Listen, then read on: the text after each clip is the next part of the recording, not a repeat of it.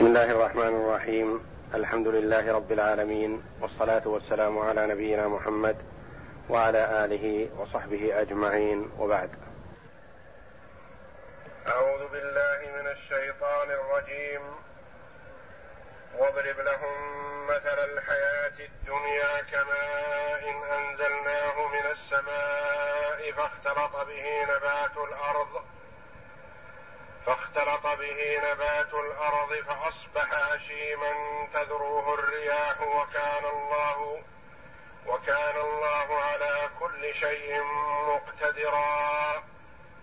المال والبنون زينة الحياة الدنيا والباقيات الصالحات خير عند ربك ثوابا وخير أملا. هذا مثل ضربه الله جل وعلا للحياة الدنيا. يبين سرعة اضمحلالها وانتهائها مهما وجد فيها وتوفر. وأنها تزول بسرعة.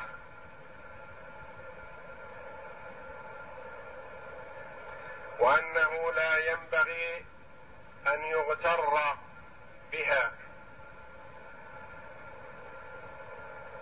مهما أوتي فيها المرء من متاع الدنيا فإنه سرعان ما يضمحل وينتهي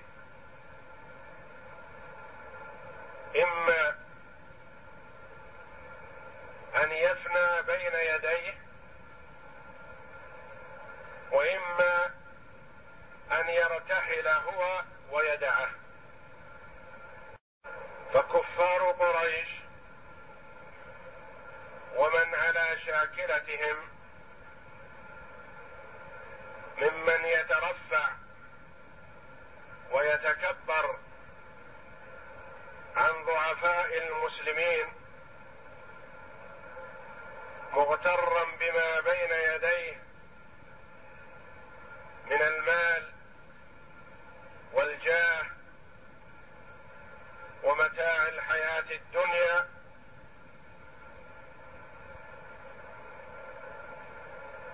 يوضح الله جل وعلا للجميع بأنه لا ينبغي الاغترار في الدنيا. وإنما الذي ينبغي أن تفنى فيه الأعمار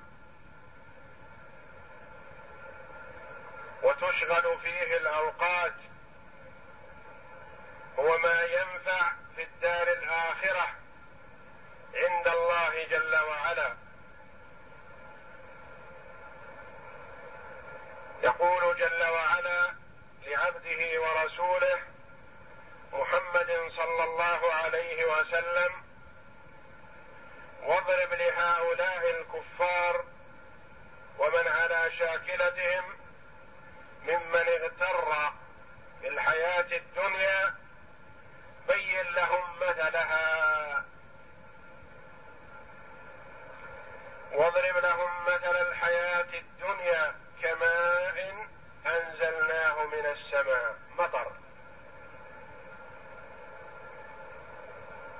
ماء كثير.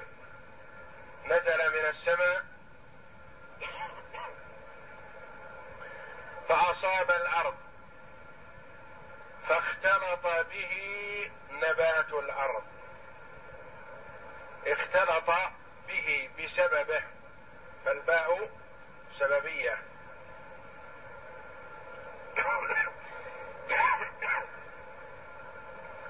فاختلط به نبات الأرض. والماء إذا تكاثر على الأرض أنبتت الكلأ والعشب الكثير. وأزهرت.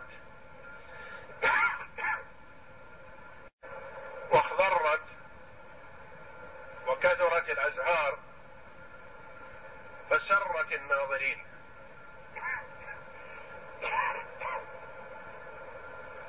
واستمتع بها الناس.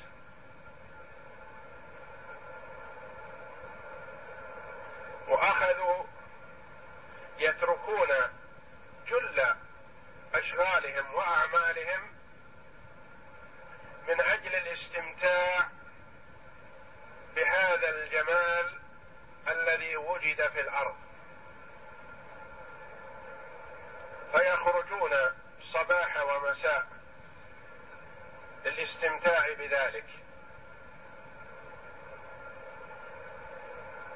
ويظن الظان أن هذا باقي ومستمر. يبقى وقت طويل. فإذا به بين عشية وضحاها يرسل الله جل وعلا عليه ريح فييبس العشب وتذبل الزهور وتتقاذف هذه الأزهار والحشائش الرياح. وتضمحل كأن لم تكن.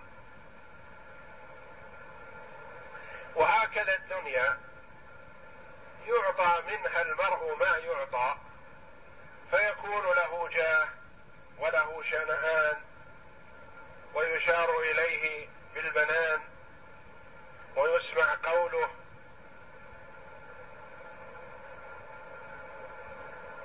ويطاع امره فاذا به فترة وجيزة ثم يضمحل كأن لم يكن وينسى المال يذهب أو الجاه ينزع أو النفس تخرج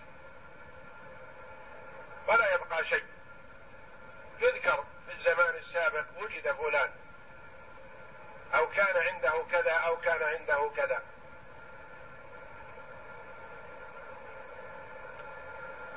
يقول جل وعلا واضرب لهم مثل الحياة الدنيا مثلها لئلا يغتر بها الناس كماء انزلناه من السماء مطر فاختلط بسببه نبات الأرض. فاختلط به نبات الأرض من أنواع النباتات والزهور فأصبح هشيما تذروه الرياح. بعدما كان يانعا مزهرا أصبح هشيما يابسا. تذروه الرياح. بالأمس إذا تحركت الريح ظهر له جمال. وظهر له رائحة يانعة رائحة طيبة ذكية. واليوم تدروه الرياح يمينا وشمالا تبعثره. حشيش يابس.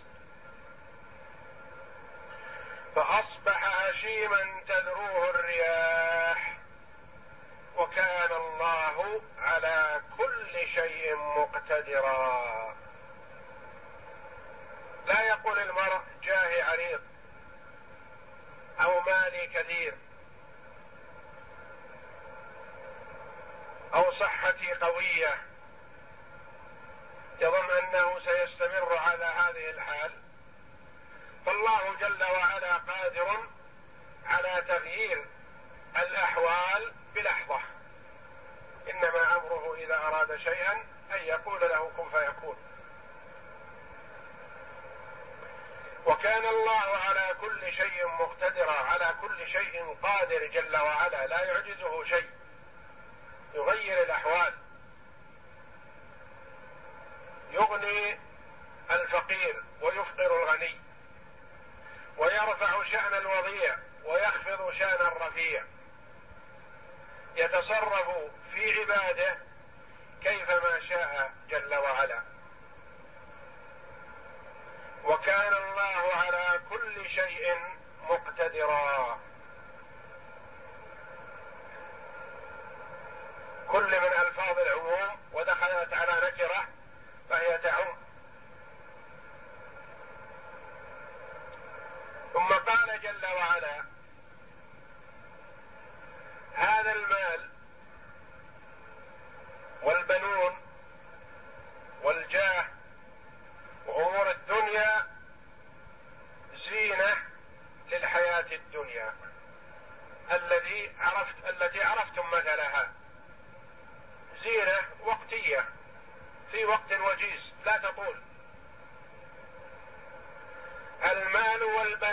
زينة الحياة الدنيا. زينة فترة وجيزة. يسر المرء بماله. يسر بأبنائه. يسر بجاهه. يسر بما حوله. فترة وجيزة وتنتهي كما انتهت الدنيا. زينة الحياة الدنيا والباقيات الصالحات خير عند ربك ثوابا وخير املا. كثيرا ما يقرن جل وعلا بين الأضداد. ليرى المرء لنفسه وليتفكر العاقل فيما ينفعه. فيقرن بين ذكر الجنة والنار. يقرن بين ذكر المؤمنين والكفار. يقرن بين ذكر متاع الحياة الدنيا وبين ما ينفع في الدار الآخرة كما هنا. المال والبنون الذي يفتخر به من لا عقل له. زينة الحياة الدنيا. زينة. وهذه الزينة ليست ممقوتة على كل حال ولا ممدوحة على كل حال. فهي زينة للحياة الدنيا. لكن قد تكون هذه الزينة في الحياة الدنيا نافعة في الدار الآخرة. وقد تكون هذه الزينة ضارة في الحياة الآخرة. فالله جل وعلا لم يمقتها وإنما أخبر أنها متاع للحياة الدنيا. من الناس من يكون متاعه في الحياة الدنيا عونا له على ما ينفعه في الدار الآخرة. ومن الناس من يكون متاعه في الحياة الدنيا صارفا له عن أمور الآخرة والعياذ بالله. المال والبنون زينة وتميل إليها النفوس وتحبها ويمتحن الله عباده بها فمن الناس من تكون من تكون زينته في هذه الحياة الدنيا سببا له في نعيم الآخرة. فيكون له سعادة الدنيا وسعادة الآخرة. وهو الذي يستعين بالمال على طاعة الله. ويستعين بالولد على طاعة الله. يكسب المال من حله ويصرفه في وجهه الشرعي. ويربي الأولاد تربية صالحة. فينتفع بهم في الدنيا وينفعونه في الدار الآخرة. إذا مات ابن آدم انقطع عمله إلا من ثلاث صدقة جارية أو علم ينتفع به أو ولد صالح يدعو له. ومن الناس والعياذ بالله. من يكون ماله وولده وبالا عليه في الدنيا وفي الآخرة. يشقى في جمع المال من حلال أو حرام. ويستعين به على معصية الله. أو يتركه لمن خلفه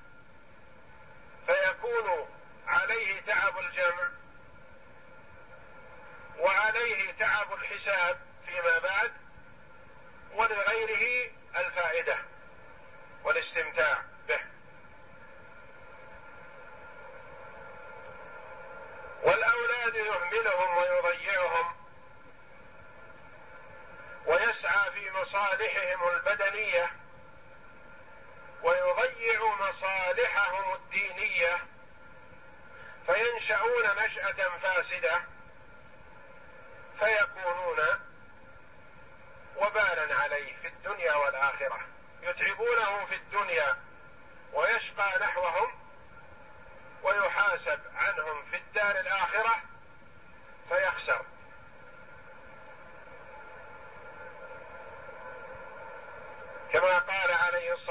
والسلام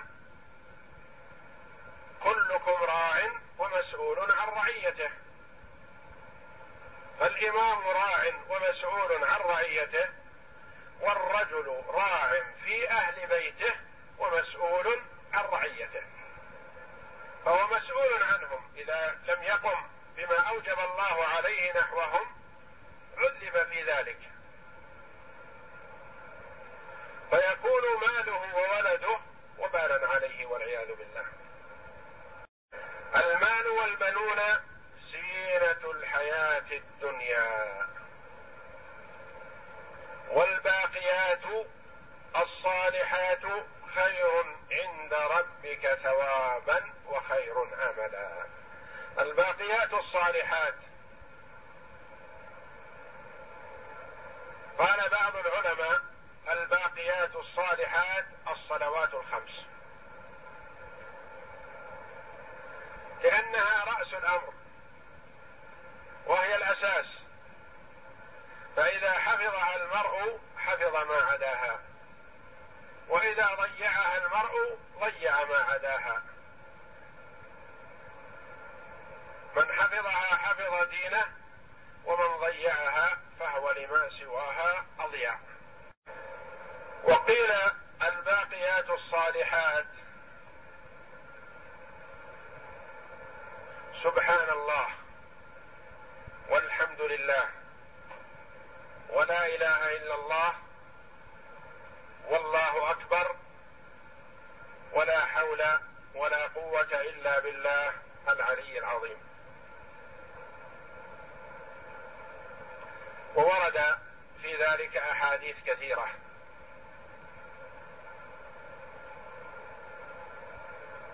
وقال بعض العلماء وهو الذي اختاره ابن جرير رحمه الله الباقيات الصالحات الأعمال الصالحة كل ما يقرب إلى الله جل وعلا. ولعل هذا أقرب والله أعلم. ولا ينافي أن تكون المذكورات الصلوات الخمس أو الذكر من الباقيات الصالحات. وما ورد من الأحاديث في تفسير الباقيات الصالحات في الذكر أن الذكر من أهم الباقيات الصالحات وأعلاها وأرفعها لأن الله جل وعلا وعد الذاكرين الخير الكثير في الدنيا والآخرة ورغب جل وعلا في ذكره في آيات كثيرة. يا أيها الذين آمنوا اذكروا الله ذكرا كثيرا. وسبحوه بكرة وأصيلا. وقال جل وعلا في ذكر صفات عباده المؤمنين إن المسلمين والمسلمات والمؤمنين والمؤمنات إلى أن قال والذاكرين الله كثيرا والذاكرات أعد الله لهم مغفرة وأجرا عظيما. وجاء رجل إلى النبي صلى الله عليه وسلم يسأله الوصية فقال لا يزال لسانك رطبا من ذكر الله.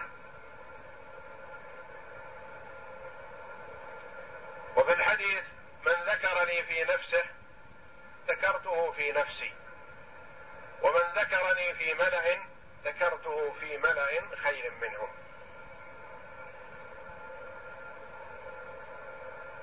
فإذا ذكر العبد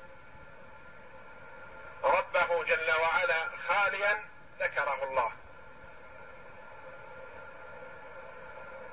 وورد من السبعة الذين يظلهم الله تحت ظل عرشه يوم لا ظل إلا ظله رجل ذكر الله خاليا ففاضت عيناه من خشية الله جل وعلا ذكر الله ففاضت عيناه بالبكاء.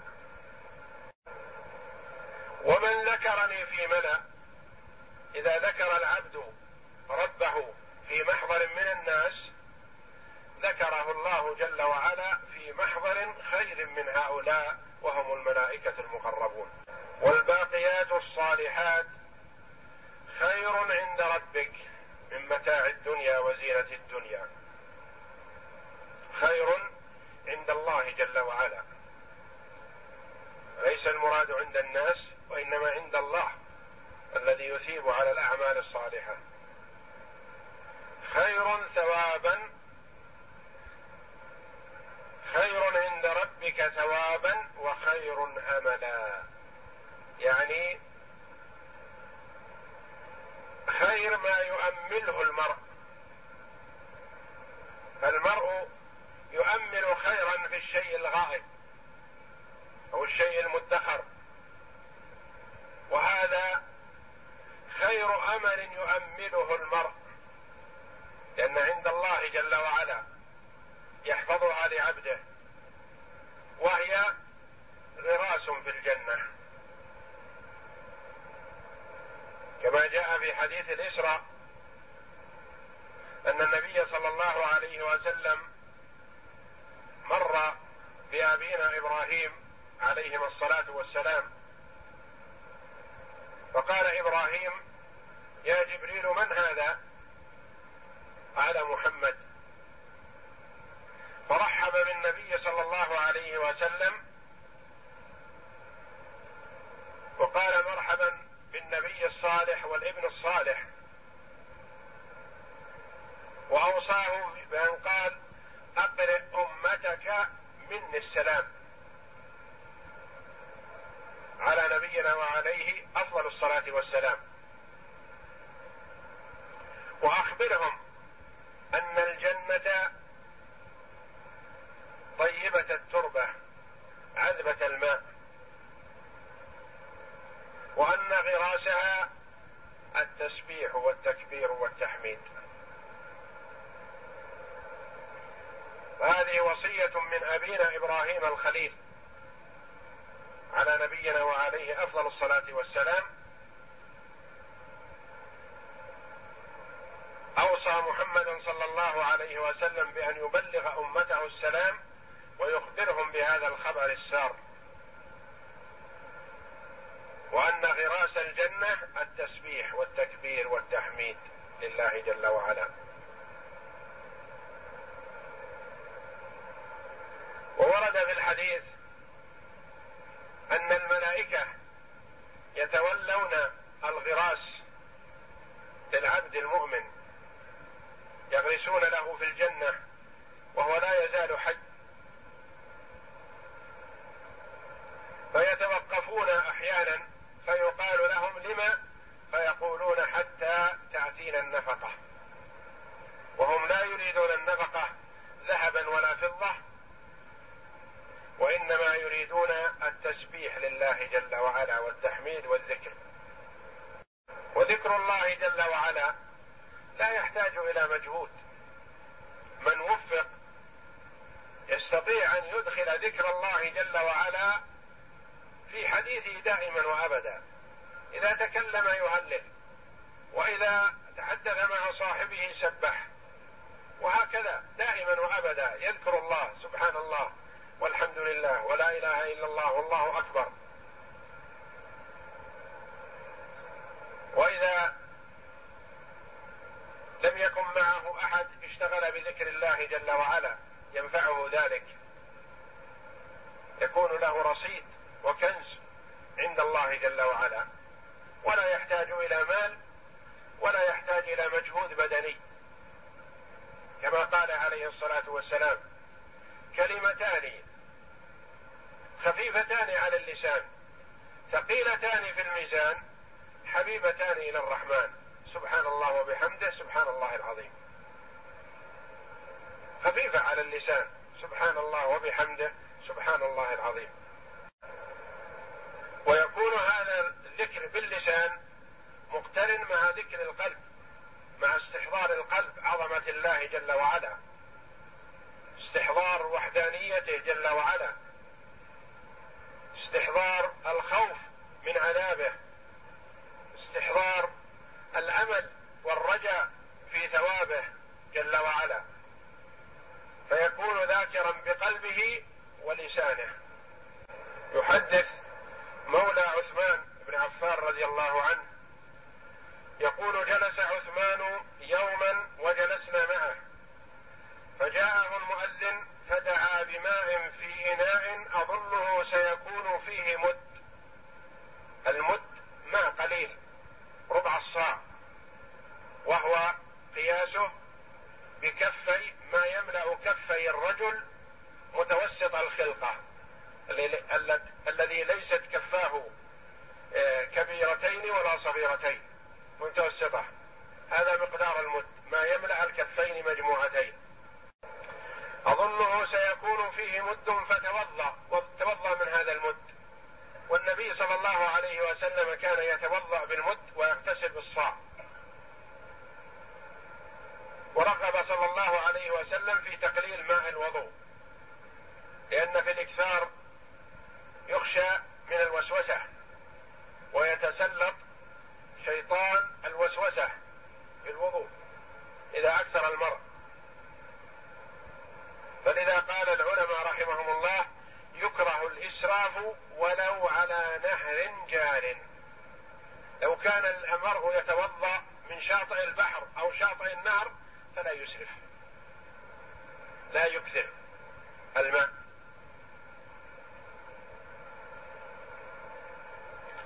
فتوضا ثم قال اي عثمان رضي الله عنه رايت رسول الله صلى الله عليه وسلم يتوضأ وضوئي هذا ثم قال. من توضأ وضوئي هذا ثم قام فصلى صلاة الظهر غفر له ما بينها وبين الصبح. ثم صلى العصر غفر له ما بينها وبين الظهر. ثم صلى المغرب غفر له ما بينها وبين العصر. ثم صلى العشاء غفر له ما بينها وبين المغرب. ثم لعله يبيت يتمرغ ليلته ثم إن قام فتوضأ وصلى صلاة الصبح غفر له ما بينها وبين صلاة العشاء. وهن أي هذه الأعمال الحسنات يذهبن السيئات. قالوا هذه الحسنات فما الباقيات الصالحات يا عثمان؟ قال هي لا إله إلا الله وسبحان الله والحمد لله والله أكبر ولا حول ولا قوة إلا بالله العلي العظيم. لا ينافي أن تكون الباقيات الصالحات كل الأعمال التي يحبها الله جل وعلا وإنما هذه من أكبرها وأحسنها التي هي ذكر الله جل وعلا. يقول الله جل وعلا ويوم نسير الجبال وترى الأرض بارزة وحشرناهم فلم نغادر منهم أحدا. وعرضوا على ربك صفا لقد جئتمونا كما خلقناكم أول مرة. بل زعمتم أن لن نجعل لكم موعدا. ووضع الكتاب فترى المجرمين مشفقين مما فيه ويقولون يا ويلتنا ما لهذا الكتاب لا يغادر صغيرة ولا كبيرة إلا ولا كبيرة إلا أحصاها ووجدوا ما عملوا حاضرا ولا يظلم ربك أحدا. يخبر جل وعلا عن شيء من أحوال يوم القيامة.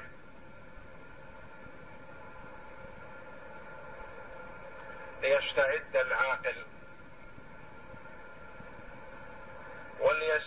يستحقر الدنيا مهما أوتي فيها.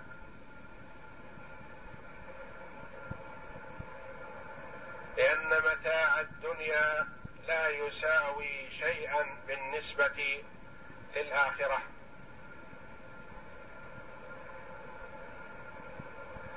ويوم نسير الجبال. قراءة ثانية. ويوم تسير الجبال.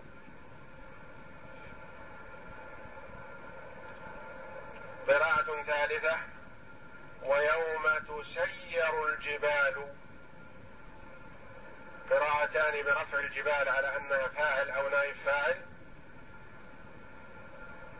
وقراءة والقراءة الثالثة بنصبها على أنها مفعول. والمسير لها هو الله جل وعلا.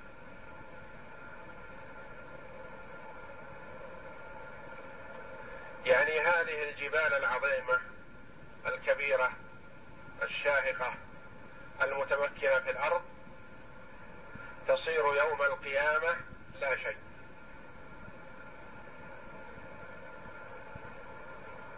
يقول الله جل وعلا يوم تمور السماء مورا وتسير الجبال سيرا. ويقول جل وعلا وترى الجبال تحسبها جامدة وهي تمر مر السحاب. ويقول جل وعلا وتكون الجبال كالعهن المنفوش.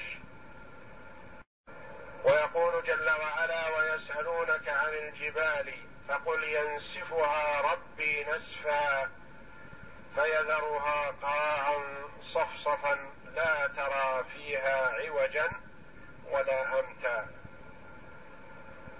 تكون الجبال كالصوف وكالقطن وتكون كالسحاب. تضمحل لتفرغ الأرض من كل ما عليها وليساوى كل من خفض فيها. ويوم نسير الجبال وترى الأرض بارزة بارزة بادية ظاهرة. ليس فيها شيء يستر. لا بناء ولا شجر ولا حجر ولا جبل ولا منخفض ولا مرتفع. قاعا صفصفا. للحشر ليحشر الناس عليها. وترى الأرض بارزة وحشرناهم جمعناهم أولهم وآخرهم وإنسهم وجنهم ودوابهم وكل ما فيه روح. حتى الحيوانات تبعث وتجمع ويقتص لبعضها من بعض.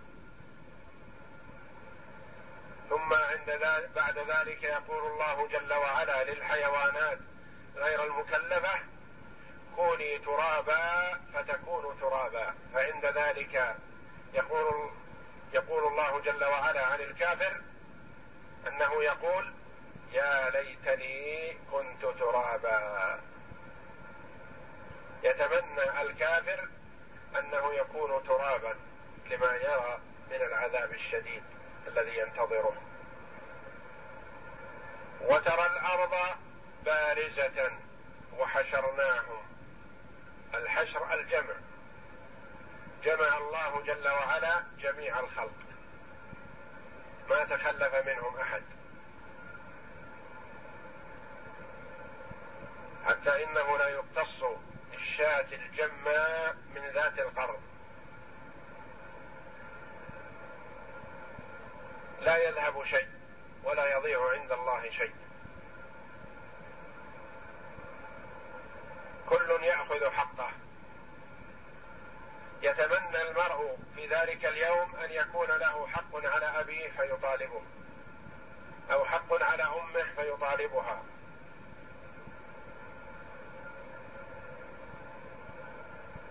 أو حق على ولده فيطالبه.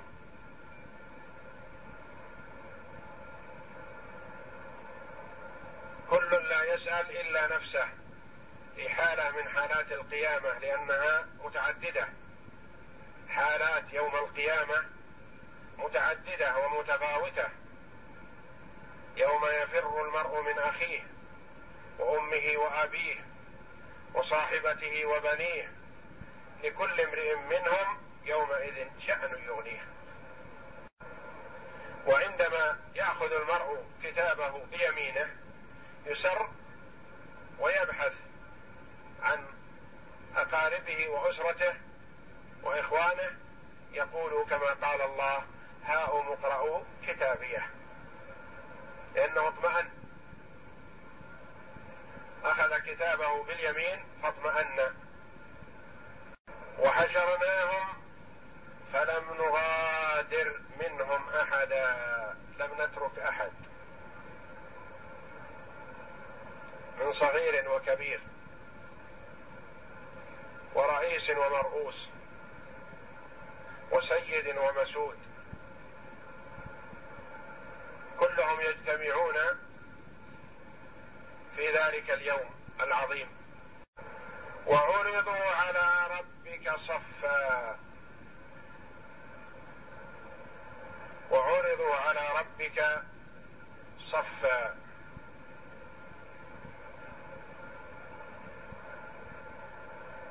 صفا واحدا يجعل الله جل وعلا الخلائق صفا واحدا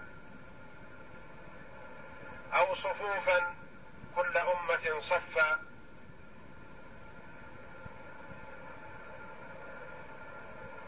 ورد هذا وورد هذا. يقول الله جل وعلا يوم يقوم الروح والملائكة صفا لا يتكلمون إلا من أذن له الرحمن وقال صوابا. وقال جل وعلا وجاء ربك والملك صفا صفا.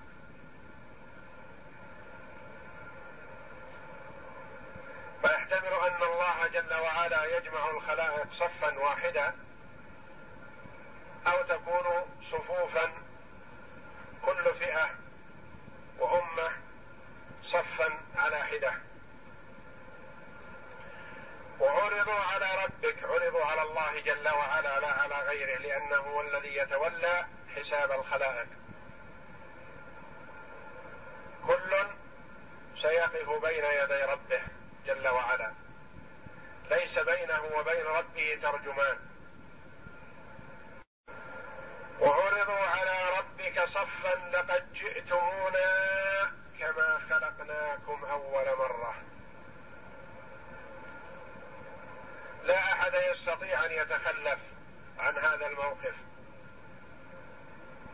ولا يعجز عن الوصول إليه. لقد جئتمونا كما خلقناكم أول مرة.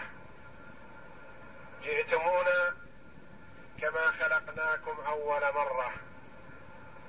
حفاة عراة غرلا. غير مختنين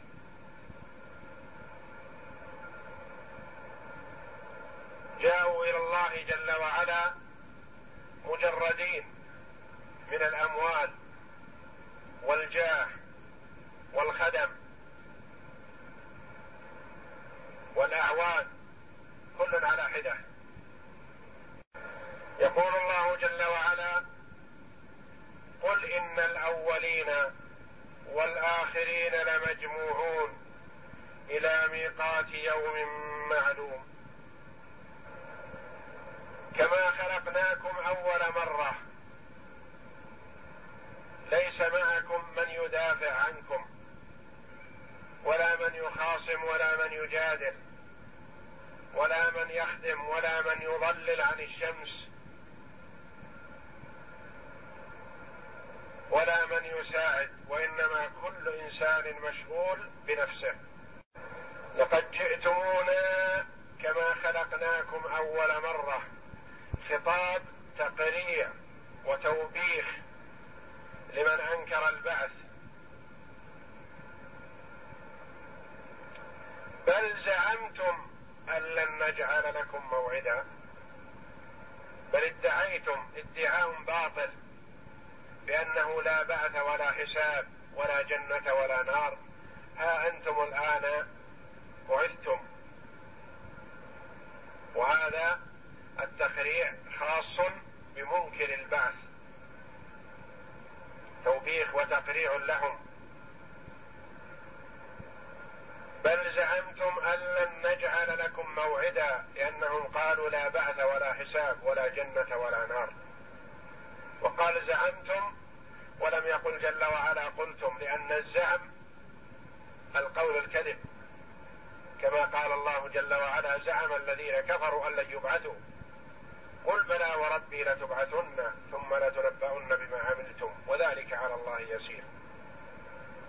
ما كنتم تظنون أن نبعثكم أو أن نوجدكم أو أن نعيدكم مرة أخرى.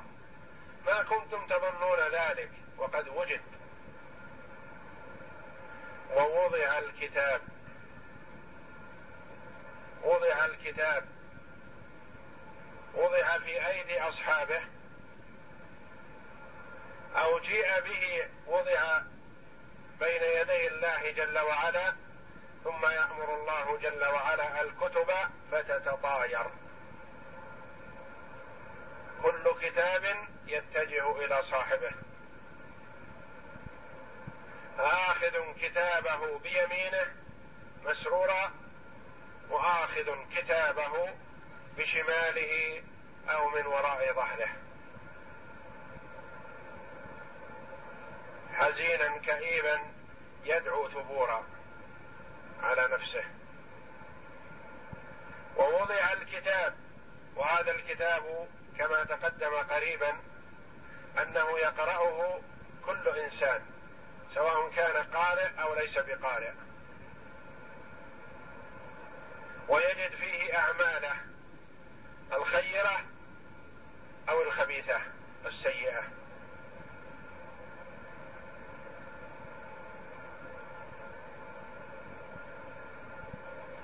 ووضع الكتاب فترى المجرمين مشفقين خائفين. وجلين. مما فيه مما سجل فيه. إن الأعمال سجل خيرها وشرها في هذه الصحائف. ويقولون يا ويلتنا يا حسرتنا. يتحسرون ويتلهفون. ويدعون على أنفسهم بالويل والثبور حين لا ينفع.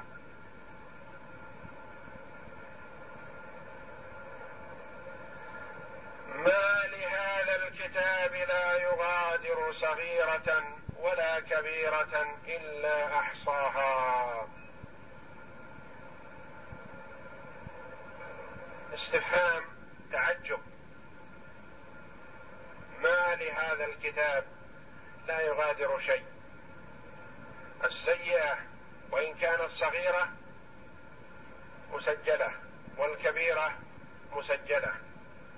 روى الطبراني عن سعد بن جنادة قال لما فرغ رسول الله صلى الله عليه وسلم من غزوة حنين نزلنا قفرا من الأرض ليس فيه شيء فقال النبي صلى الله عليه وسلم اجمعوا من وجد عودا فليأت به.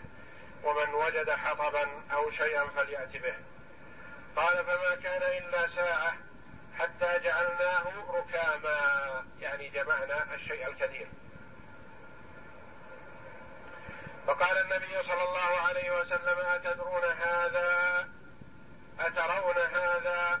فكذلك تجمع الذنوب على الرجل منكم كما جمعتم هذا. فليتق الله رجل ولا يذنب صغيرة ولا كبيرة فإنها محصاة عليه. كل الذنوب محصاة. وكما قال الله جل وعلا فمن يعمل مثقال ذرة خيرا يره. ومن يعمل مثقال ذرة شرا يره. الذرة من الخير محفوظة. والذرة من الشر محفوظة مسجلة. ويقول الله جل وعلا يوم تجد كل نفس ما عملت من خير محضرا وما عملت من سوء تود لو أن بينها وبينه أمدا بعيدا. كل شيء محصى.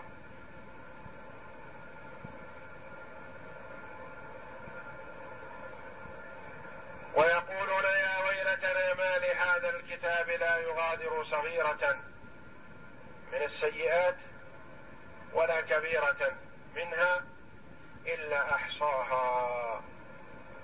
ضبطها وسجلها وحفظها. ووجدوا ما عملوا حاضرا. ووجدوا ما عملوا من الأعمال كلها. كلها محفوظة. ويقرر بها ويعترف.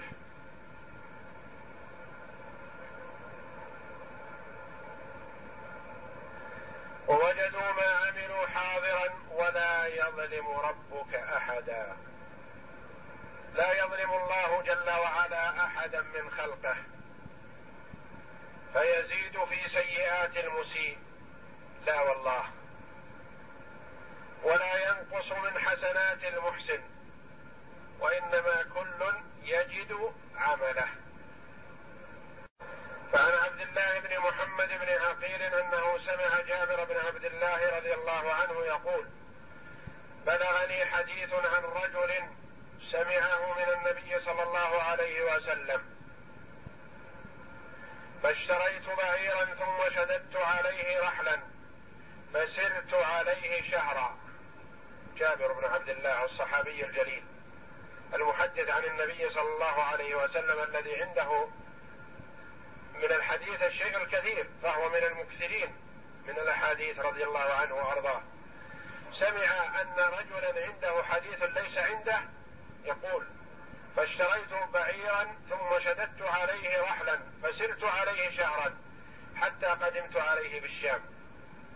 فإذا عبد الله بن أنيس فقلت للبواب قل له جابر على الباب. فقال ابن عبد الله قلت نعم. فخرج يطأ ثوبه يعني مسرعا. فاعتنقني واعتنقته فقلت حديث بلغني عنك أنك سمعته من رسول الله صلى الله عليه وسلم في القصاص. فخشيت أن أموت أو تموت قبل أن أسمعه. فقال سمعت رسول الله صلى الله عليه وسلم يقول يحشر الله عز وجل الناس يوم القيامة أو قال العباد عراة غرلا بهما. قلت وما بهما؟ قال ليس معهم شيء. ثم يناديهم بصوت يسمعه من بعد كما يسمعه من قرب. أنا الملك أنا الديان ينبغي لأحد من أهل النار أن يدخل النار وله عند أحد من أهل الجنة حق حتى أقضيه منه. ولا ينبغي لأحد من أهل الجنة أن يدخل الجنة وله عند رجل من أهل النار حق حتى أقضيه منه. قال حتى اللطمة. قال قلنا كيف؟ وإنما نأتي الله عز وجل حفاة عراة غرلا بهما قال بالحسنات والسيئات. القصاص والقضاء بين العباد هناك لا في الدراهم والدنانير ولا في الضرب والحبس وإنما بالحسنات والسيئات. بالحسنات والسيئات. لك عند رجل مظلمة تأخذ من حسناته. ما وجدت عنده حسنات وجدته مفلس. ماذا تعمل؟ تحمله من سيئاتك. وهكذا. فالقصاص بالحسنات والسيئات. قال النبي صلى الله عليه وسلم للصحابة أتدرون من المفلس؟ قالوا يا رسول الله المفلس فينا من لا درهم له ولا دينار ما عنده شيء. أو من لا درهم له ولا متاع ما يملك شيء. قال النبي صلى الله عليه وسلم لكن المفلس من أمتي يوم القيامة من يأتي بأعمال كأمثال الجبال الحسنات حسنات كأمثال الجبال. له حسنات كثيرة. من الصدقة والصلاة والزكاة والبر والأعمال الصالحة. لكن يأتي وقد شتم هذا ولطم هذا وأخذ مال هذا وسفك مال هذا وانتهك وسفك دم هذا وانتهك عرض هذا. فيؤخذ لهذا من حسناته وهذا من حسناته. فإن فنيت حسناته قبل أن يقضى ما عليه أخذ من سيئاتهم فحمل عليه فطرح في النار والعياذ بالله. له حسنات جليلة لكنه سلط لسانه بالكلام السيء بالسب والشتم والغيبة والنميمة. مد يده بالضرب بغير حق. قتل نفسا بغير حق. انتهك الأعراض وتعدى على المحارم. له حسنات كثيرة تفنى حسناته. يقتص لهؤلاء من حسناته. تؤخذ. فإذا لم يبق له حسنة يؤخذ منه. أخذ من سيئات من بقي لهم حقوق وطرحت عليه حملت عليه فطرح في النار. هذا والله هو المفلس. ليس العادم للدينار والدرهم ولكن الذي عدم حسناته في أحوج ما في وقت أحوج ما يكون إليها. وعن شعبة عن العوام بن مزاحم عن أبي عثمان عن عثمان بن عفان رضي الله عنه أن رسول الله صلى الله عليه وسلم قال إن الجمة لتقتص من القرنى يوم القيامة. إذا كانت الشاة تقتص الشاة الجمة تقتص من الشاة ذات القرن لأنها نطحتها بقرونها وهذه ليس لها قرون تنطح بها.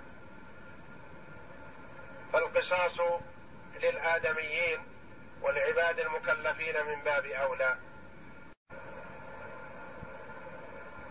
ويقول الله جل وعلا ونضع الموازين القسط ليوم القيامة فلا تظلم نفس شيئا. ووجدوا ما عملوا حاضرا ولا يظلم ربك أحدا. الله جل وعلا لا يظلم الخلق ولكن الخلق أنفسهم يظلمون. فالسعيد من سلم من الظلم وحاسب نفسه قبل الممات ونظر ونظر في عمله فإن كان عمله صالحا استمر عليه وسأل الله جل وعلا التوفيق والاستمرار والزيادة من فضله. وإن كان عمله سيئا تاب وندم ورجع إلى الله جل وعلا. ومن تاب إلى الله جل وعلا توبة صادقة قبل الممات تاب الله جل وعلا عليه. وقد وعد بأن يبدل السيئات بحسنات لمن تاب. إلا من تاب وآمن وعمل عملا صالحا فأولئك يبدل الله سيئاتهم حسنات وكان الله غفورا رحيما. ومن تاب وعمل صالحا فإنه يتوب إلى الله متابا. والله أعلم. وصلى الله وسلم وبارك على عبد ورسول نبينا محمد وعلى آله وصحبه أجمعين.